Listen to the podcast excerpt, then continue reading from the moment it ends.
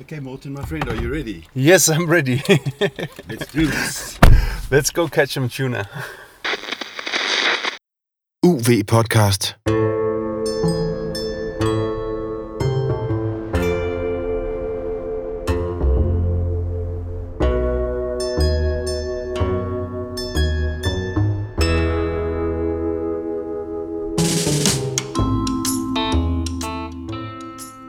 Velkommen til Universitetets podcast om undervandsjagt, fridykning og snorkling. Din vært er Morten Rosenvold Villassen, forfatter til bogen Undervandsjagt og forfatter til Hold vejret, en bog om fridykning. Morten har holdt vejret i 7 minutter og fridykket til 81 meters dybde og vundet Danmarks mesterskaber i både fridykning og undervandsjagt. God fornøjelse.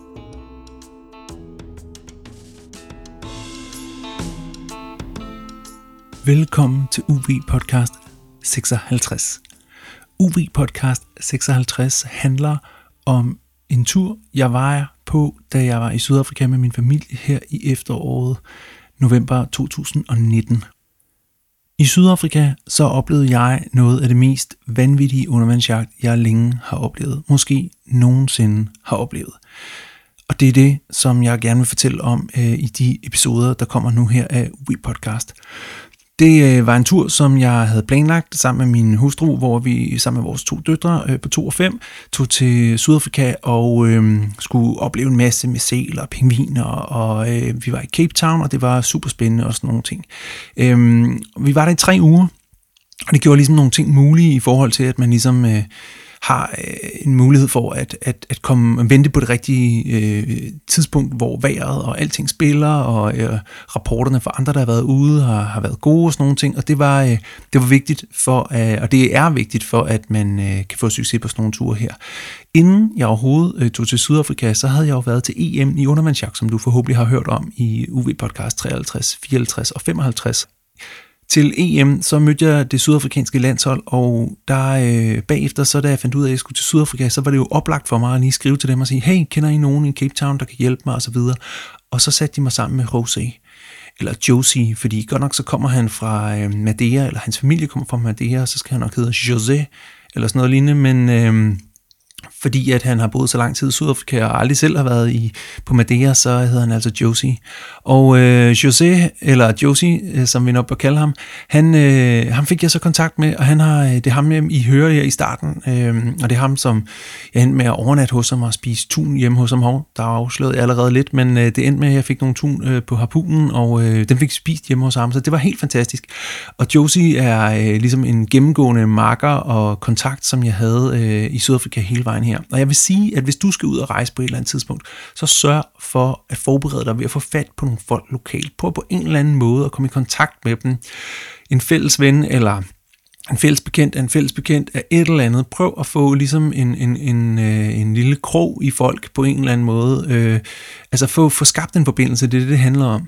Sådan at, at man ikke er bare et tilfældigt ansigt, men man er faktisk den, som nogle venner mødte i Danmark, da de var til øh, Europamesterskabet i undervandsjagt eller lignende. Nu, øh, nu kommer I til at høre lidt fra, fra mig og Josie, og så skal jeg sige, at Sponsor af UV Podcast øh, 56 er Watery. Watery er den her fantastiske store vandudstyrsshop, som øh, mange måske kender fra Løvens Hule, hvor Daniel var inde og tog løverne med storm. Øh, og watery.dk er der, hvor man kan finde øh, tilbud på svømmeudstyr, snorkeludstyr øh, og øh, alt, hvad der ligesom handler omkring vand. Og det er meget oplagt, at de øh, sponsorer et afsnit af Universitetets podcast. Og det gør de altså her. Øh, dette øh, afsnit og den næste episode er også sponsoreret af Watery. Og øh, jeg skal igen sige derude, at hvis der er nogen, der sidder og har en idé til en sponsor, eller selv vil sponsere UV Podcast, så er I meget velkomne til at henvende jer. Jeg vil også sige mange tak for alle dem, der har doneret penge på uvpodcast.10.dk eller på MobilePay. Øh, det er meget velkomment, og det gør, at vi selvfølgelig fortsætter, men også, at vi gør det med glæde og med overskud, både økonomisk og menneskeligt, fordi vi ved, at der er øh, så mange derude, der bakker op omkring øh, det, som jeg laver, og som Johan laver, og som alle os, der er involveret i, i UV Podcast laver. Så tusind tak for det. Lad os komme i gang med UV Podcast 56.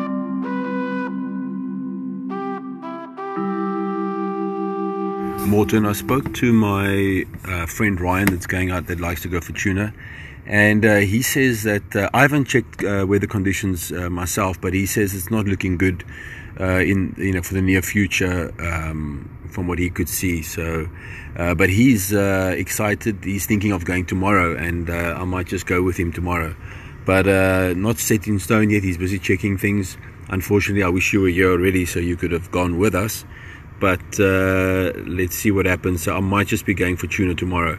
Um, other than that, um, I will check the weather myself. I haven't done that yet. Sådan er det altid.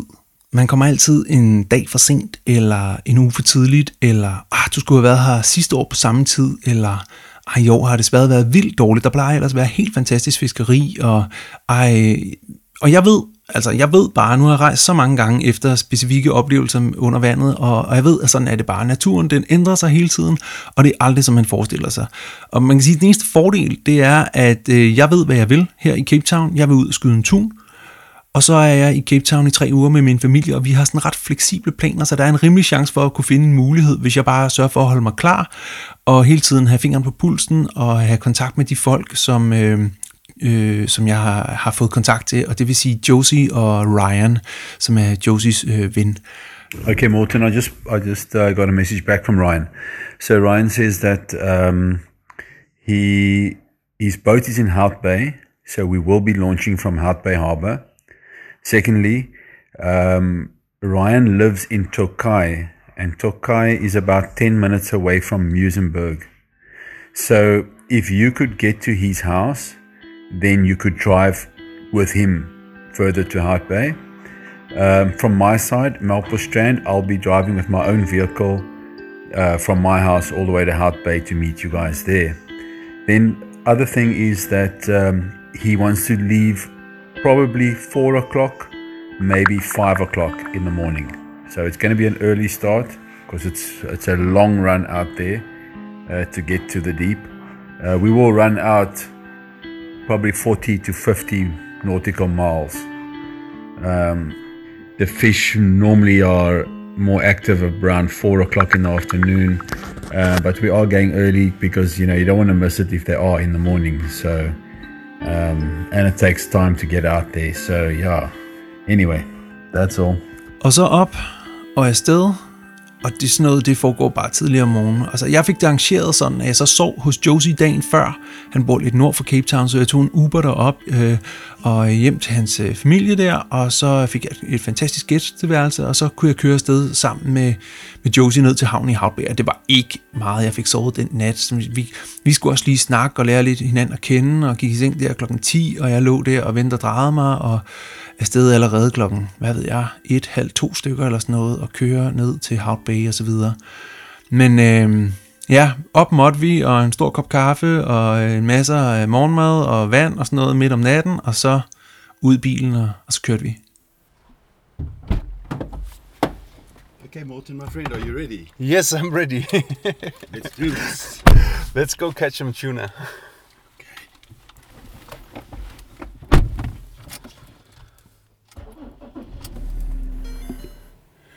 Godmorgen. Jeg ved ikke, hvorfor de her undervandsjagtture altid skal starte så utrolig tidligt om morgenen. Øh, jeg plejer jo ligesom... Jeg plejer ligesom at synes, at det er sådan hårdt at komme op klokken 4-5 stykker, eller sådan noget, man skal tage til Limfjorden eller Vesterhavet, eller et eller andet, kører køre fra København 4-5 timer. For mig. Klokken er nu kvart over to, og jeg er stået op her øh, i en lille forstad op nord for Cape Town. Øh, jeg har sovet hjemme hos José, og sammen med José og en anden gut, der hedder Ryan, så skal jeg ud og se, om jeg kan fange tun. Uh, øh, og vi sejler simpelthen fra Cape Town, altså Kap det Gode Håb, det sydligste af Afrika, og så ellers bare to timer, 80-90 km stik syd mod, ja faktisk Sydpolen. Og mærkeligt nok, så bliver vandet øh, varmere dernede. Altså, det er ret koldt ved Cape Town, sådan 15, 16, 17 grader. men Det bliver sådan 18-19 grader dernede.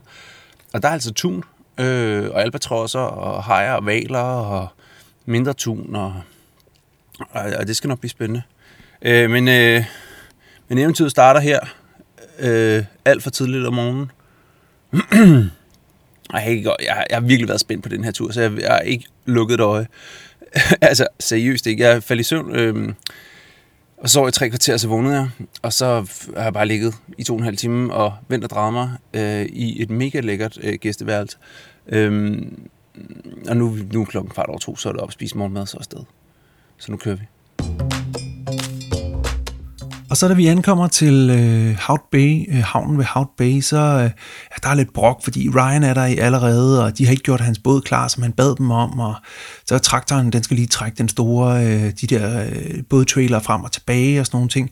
Så øh, vi, vi kommer der, og så, så Josie han står og, og peger ud, sådan, og siger, læg lige mærke til dem derovre, og dem der, og så videre. Og så kunne jeg godt se, at det var sådan lidt, mm, et mær- mærkeligt øh, syn, at der var øh, fire mænd med regntøj på, på en båd der klokken 3.30 om morgenen, som var på vej ind. Og så, så spurgte jeg så Josie, hvad Jamen det, det er nok poachers, altså det er nok krybskytter, altså det er nok folk, der samler abelone, øh, den øh, havsnegl, øh, som er meget, meget værdifuld, bliver solgt på det asiatiske marked. Det er nok sådan nogen, der har været ude øh, i nat. Læg lige mærke til dem.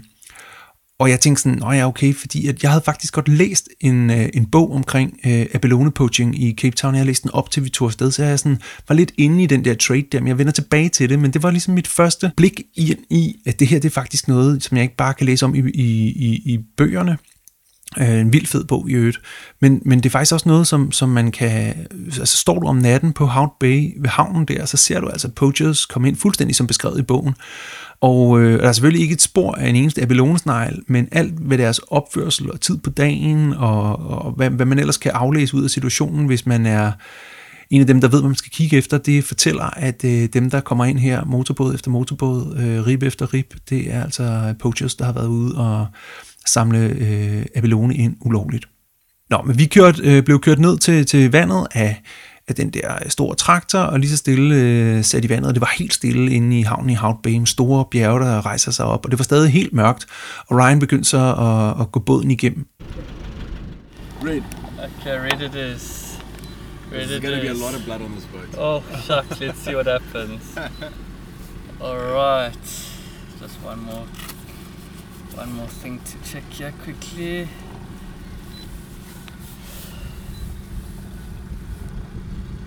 Beautiful morning in Hart Bay. Yep. Alright. So morning everybody. My name's Ryan and this is our boat GT. She's a 23 foot butt cat powered by two 100 yummies. As discussed, our life jackets are in the front left hand hatch over there. Should there be emergency and we need to use them. Our emergency equipment is situated in that square box over there, the back left hand side, in inside a yellow canister. Inside that yellow canister is also a PLB. You know what a PLB is? Alright. It's a position center. Or... A personal locating beacon. Yeah, yeah, it's yeah. like a EPIR but a smaller version. Alright, yeah, yeah. Should there be emergency, we use channel 16 on the radio. I will be in charge of all of these things. In the event that I'm not able, then Josie will take over. Alright, on channel 16 we call Cape Town Radio and if there's a problem we repeat the problem three times just to let them know what's going on. Okay.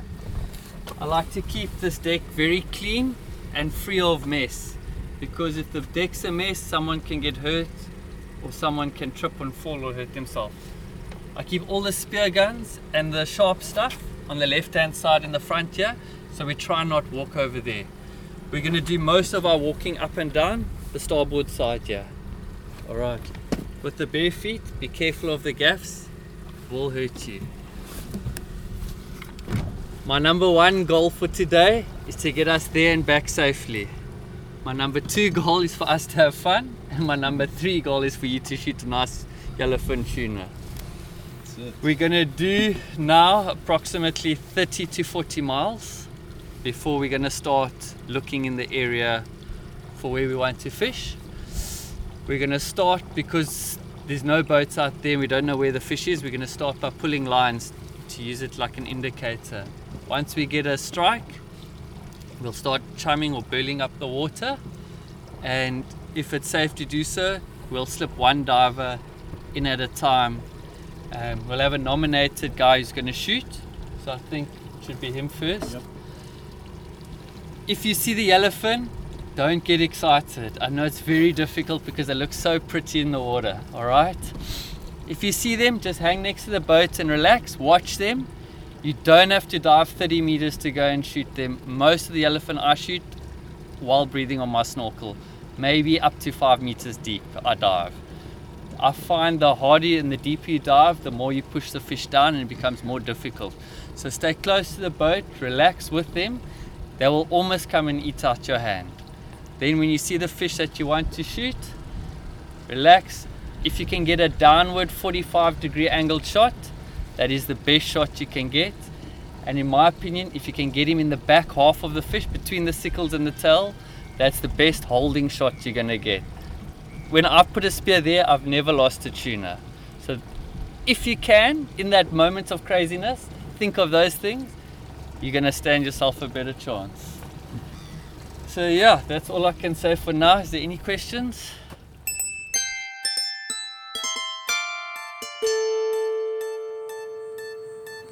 Det, der sker, når man sejler fra øh, Cape Town, eller vi sejlede fra den øh, havneby, der hedder Hout Bay, hvor der er vildt mange sæler.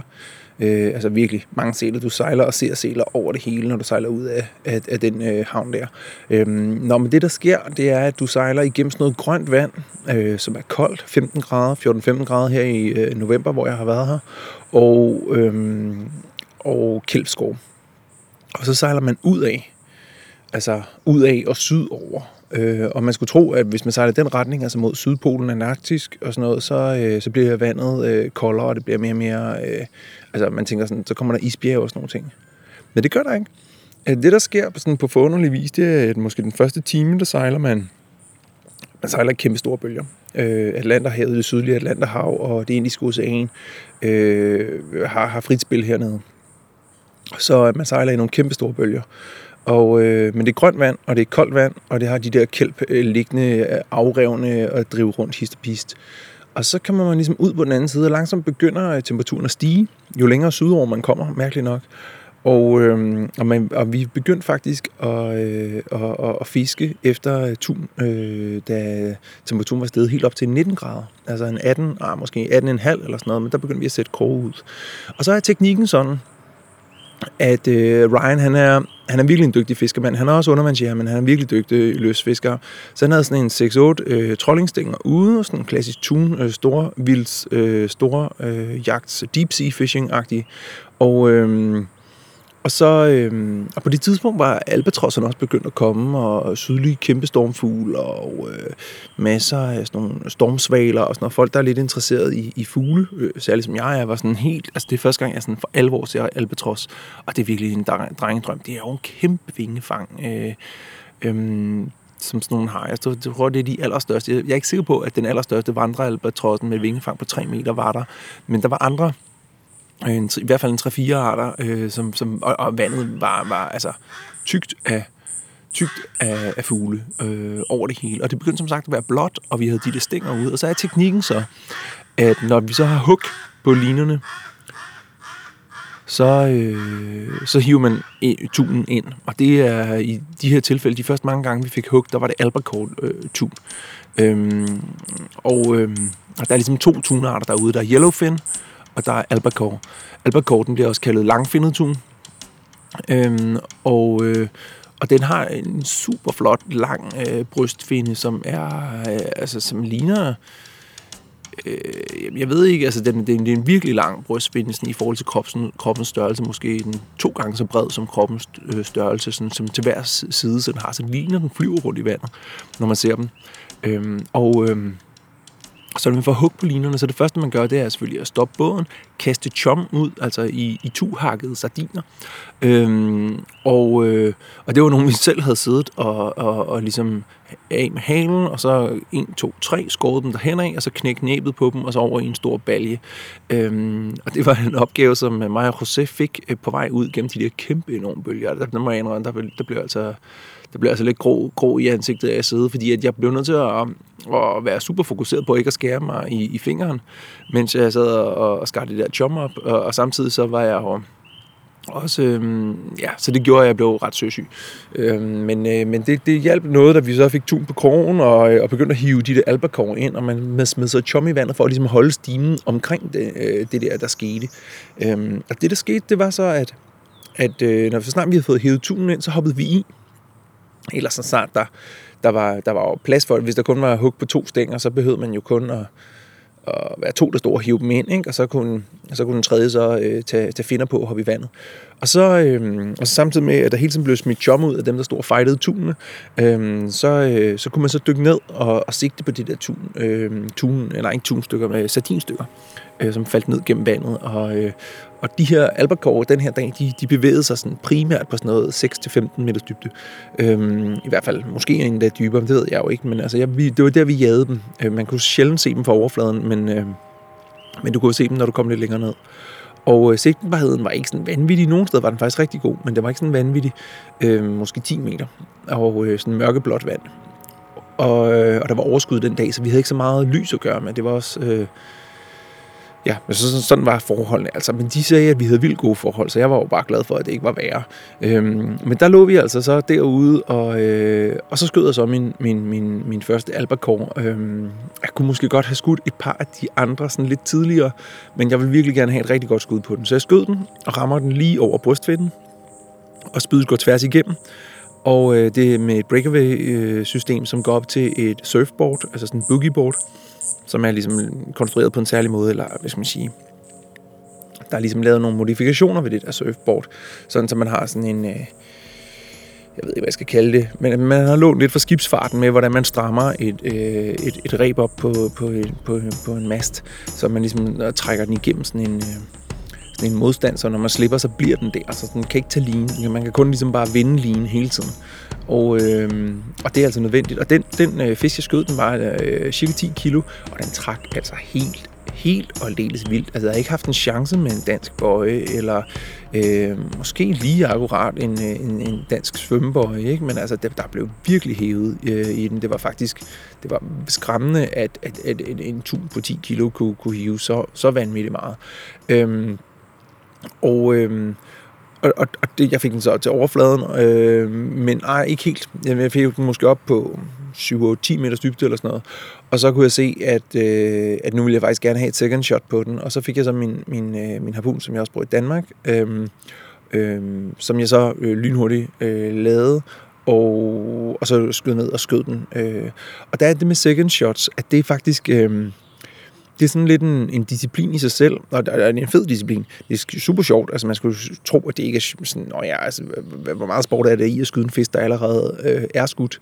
Men det er, um, der skal man virkelig holde hovedet koldt, fordi at du skyder den jo for at sikre den. Det vil sige, at det spyd, der sidder i den, på en eller anden måde er lidt usikkert placeret. Så derfor skal det gå sådan nogenlunde chipped. Samtidig, så skal du heller ikke gøre ondt værre. Øh, og det værste, du kan gøre, det er nærmest at skyde ind i samme hul, øh, som, som, øh, som, du, øh, som, som det andet spyd er i. Fordi så så gør det jo ligesom øh, hullet større. Og, øh, og det sker faktisk relativt ofte, og det er jo fordi, der er en line, der ligesom bliver trukket fra det hul, så det er jo sådan en sigteline, sådan, så man skal sådan bevidst prøve at ignorere den, og så gå efter hovedet, eller, eller et godt øh, skud tværs gennem kroppen, øh, ned ved halen, der, der river de så meget, meget sjældent, hvis man skyder dem øh, på den bagerste halvdel. Øh, men, øh, det var et ret godt skud, jeg havde, men jeg ville ikke miste den, så jeg gik ned, og så øh, fik jeg heldigvis skudt den nærmest direkte oppefra, ned mellem øjnene, øh, og det, det, så, så var den helt stille. På det tidspunkt havde jeg allerede haft et spyd igennem i en 4-5 minutter. Morten!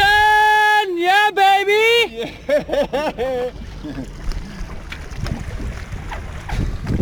Okay.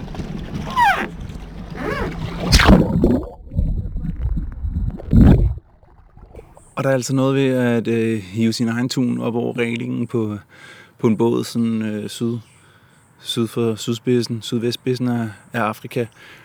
Øhm, det var en kæmpe stor oplevelse. Og virkelig, altså det er en super flot fisk. Stort, øh, flot øje og øh, sølvglinsende og sort øh, aftegninger. Altså de her meget, meget, meget lange finder. Øhm, og det, der var virkelig gang i et med albacore den dag. Der er ligesom to arter. Der er yellowfin, som kan blive op til 100 kilo, og så er der albacore, som kan blive op til måske 30 kilo, sådan allerstørst.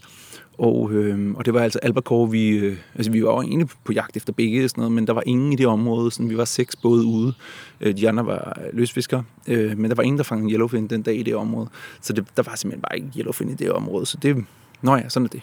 Øh, jeg skal ikke klage, jeg fik en tun, og jeg fik den med op, og, øh, og så, så, ligesom, så var stimen ligesom væk. Så er der oppe i båden igen, så sejler man rundt og øh, har stængerne ude. Og så ser man så, at så får man endnu et hug og smider chum ud og hopper i og så videre.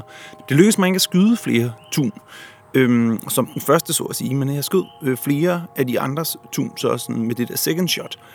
Øhm, så jeg havde en, en fest med det, og så, så der var sæler, der også gik i, efter det der chum, vi smed ud. Så, så man dykkede rundt mellem sæler, som hapsede chum, og tun, som hapsede chum. Og ja, det var super fedt. Så i alt, så tror jeg, vi fik en, med alt, hvad vi fangede, både på harpun og stæng og sådan noget. Jeg fik jo også hævet en 3-4 tun ind på, på stang. Øhm, altså måske fangede vi 15 tun den dag, eller sådan noget. Jeg mistede faktisk lidt tal, øh, tal på dem, efter vi røg over 10. Men, men, men godt bud af cirka 15. Og øh, spiste dem senere. Øh, hjemme hos José. Øh, super fedt. Meget lækkert, både som sashimi og som bøf. En, øh, en rigtig, rigtig lækker spise. Og så, da vi ligesom var mætte, ikke helt måske, men, men vi havde fanget meget, så lige pludselig kom der bare en flok. Vi lå i vandet. Øh, så kom der bare en flok øh, valer forbi en virkelig stor flok, altså over 50 valer. Øh, og, og, øh, og de, jeg lå lige ved siden af båden, og de, de kom sådan fra den, fra den anden side af båden og dykkede under båden. Øh, og de var helt ved overfladen. Det var grindevaler, langluffede øh, grindevaler, og det var sådan en stor familieflok, så der var sådan også en lille grå unge. Grindevaler er sådan sorte og har hvide aftegninger.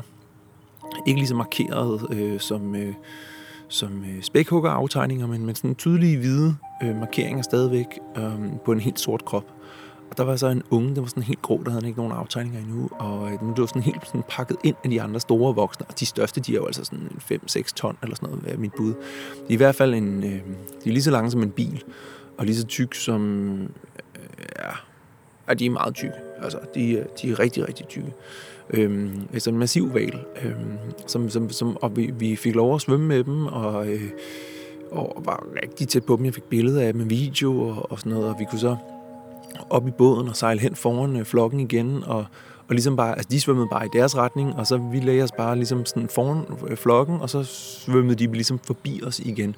Man kunne sådan ikke helt følge med. De var, øh, de var sådan relativt hurtige, selvom de bare cruisede. Og, øh, og, og, og derfor var det ligesom sådan nødvendigt, det der med, at vi bare lå i vandet foran dem, og så svømmede de selv hen mod os, og svømmede under os, eller forbi os, så at sige. Super, super flot oplevelse. Øh, kommer også en, en gruppe delfiner, sådan meget store delfiner, øh, nok den største art, jeg har set i vandet i hvert fald, øh, som også kom forbi der. Og, øh, og, og det, det, var ligesom sådan, det var ligesom det fuldendte dagen øh, på havet, fuldstændig. Altså at ligge derude i kæmpe store bølger, altså meter, meter høje bølger, og øh, valer og delfiner og albatrosser og øh, de andre dykker var også bare sådan helt op og køre over det. Sådan, det var ikke noget, man ser hver dag. Øh, og slet ikke mulighed for at komme så tæt på, som vi gjorde. Sådan, det var helt fantastisk. Øh, så vi var sådan helt bumpet der bagefter, sådan ud på eftermiddagen og, og, og tøffede lige så stille ind mod øh, Cape Town. Øh, igen, der var cirka to, to og en halv times sejlads, øh, før vi var tilbage igen. Og så øh, derfra grej båd og hentede en traktor øh, og øh, for at trække båden op og alle de der ting der. Og så, øh, og så er vi ligesom tilbage i, i Cape Town, øh, i Hout Bay, og derfra en Uber hjem til hotellet. Øhm, vild, vild lang dag, altså, og, og helt udslattet.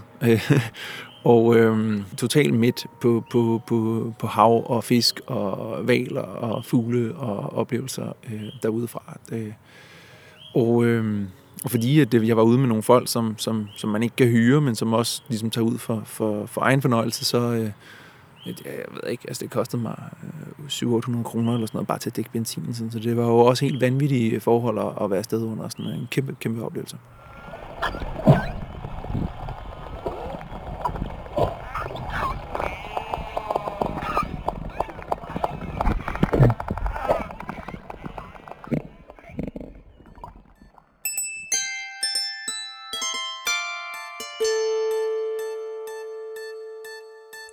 Og så var jeg faktisk well done. Jeg var totalt træt efter dykket, og jeg sov meget, meget tidligt hjemme igen, da vi kom hjem til familien.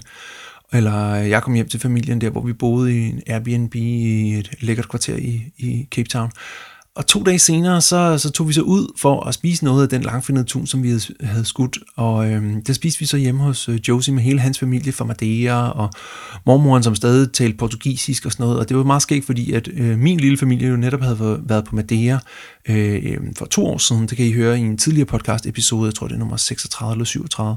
Og... Øh, og det var, det var en god afslutning. Vi havde skudt øh, tun, vi havde ude en hel dag, øh, fuldstændig balleret, kom hjem, havde spist tunen, øh, mødt nogle mennesker, og jeg har ligesom fået sat et kryds ved en tun, og det var godt nok en langfindet tun, og den var måske lige omkring små 10 kilo. Men det var en tun, der var skudt, og jeg synes egentlig, at jeg havde gjort det godt.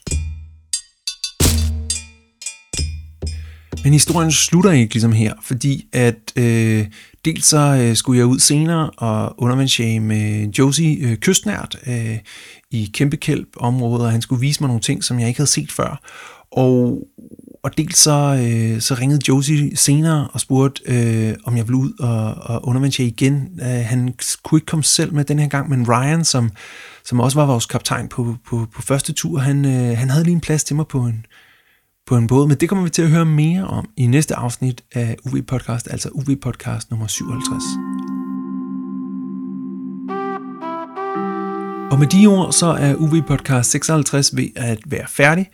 Jeg skal sige, at øh, nu er vi her i coronatiden i foråret 2020, og det betyder, at jeg har lavet et online kursus i fridykning. Og det er, foregår sådan, at man går ind på hold vejret længere, altså universitetet.dk-hvl, og så øh, kan man så tilmelde sig sådan et online kursus. Det starter 1. maj, så det er jo lige om lidt. Så hvis du ikke har været inde og, og få tilmeldt dig, så, øh, så kan du nok ikke nå det hold, der starter øh, 1. maj, medmindre du skynder dig virkelig meget lige nu. Men ellers så bliver det udbudt senere, så vi starter kursus op igen senere, så der bliver en ny øh, startdato efter 1. maj. Så hvis du går ind på universitetet.dk-hvl, som står for hold vejret længere, så øh, kan du altså få et link der til, hvordan at du kan tilmelde dig det online kursus. Så skal jeg sige tak til Watery, watery.dk, som er den her webshop, hvor du sælger svømmeudstyr, alt muligt udstyr til vand. De gør det mega godt, de har et kæmpe produktsortiment, og de har virkelig billige priser, og der er næsten altid tilbud på et eller andet derinde. Og det er altså watery.dk, som er sponsor af UV Podcast 56 og UV Podcast 57. Tusind tak til Watery og Daniel og hele Team Watery, øh, som har valgt at gå ind og supporte UV Podcast. Hvis du også vil supporte UV Podcast, så kan du gøre det inde på uvpodcast.tier.dk og inde på uvpodcast.tier.dk, så tilmelder du dig, og så øh, bestemmer du selv, hvor mange penge om måneden eller per afsnit, du vil donere. Og det kan være 5, 10, 15, 20, 25, et eller andet. Der er sågar nogen, der betaler 50 kroner per afsnit. Tusind tak for det. Og øh, uanset hvad du betaler, så kommer du altså med i den VIP Facebook-gruppe, hvor der er lidt mere chit-chat, og der er lidt mere øh, pingpong omkring afsnittene, og jeg laver også noget ekstra materiale. Blandt andet kommer der en video fra det her tunfiskeri, som kun kommer inde i den Facebook-gruppe. Så det er altså derinde, at du skal se øh, optagelserne af, hvordan at jeg skyder de her øh, både øh, langfindede og gulfindede tun øh, syd for Sydafrika. Så hvis du er interesseret i det, så er det altså inde på uvpodcast.tier.dk, du skal tilmelde dig. Og ellers kan du også gøre det på MobilePay. Det er 27 21 90 43, og det er så en donation til UV Podcast. Næste afsnit kommer til at handle om undervandsjagt igen på tun, men den her gang de gulfindede tun. What a day! Huh? His previous best fish was a little cod. He shot three yellowfins already. Mind blowing. We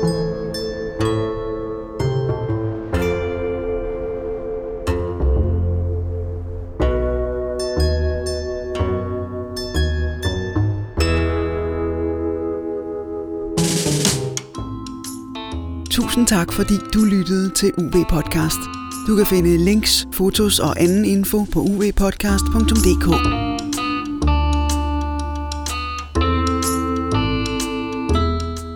Og hvis du kunne lide, hvad du hørte, så del det endelig videre.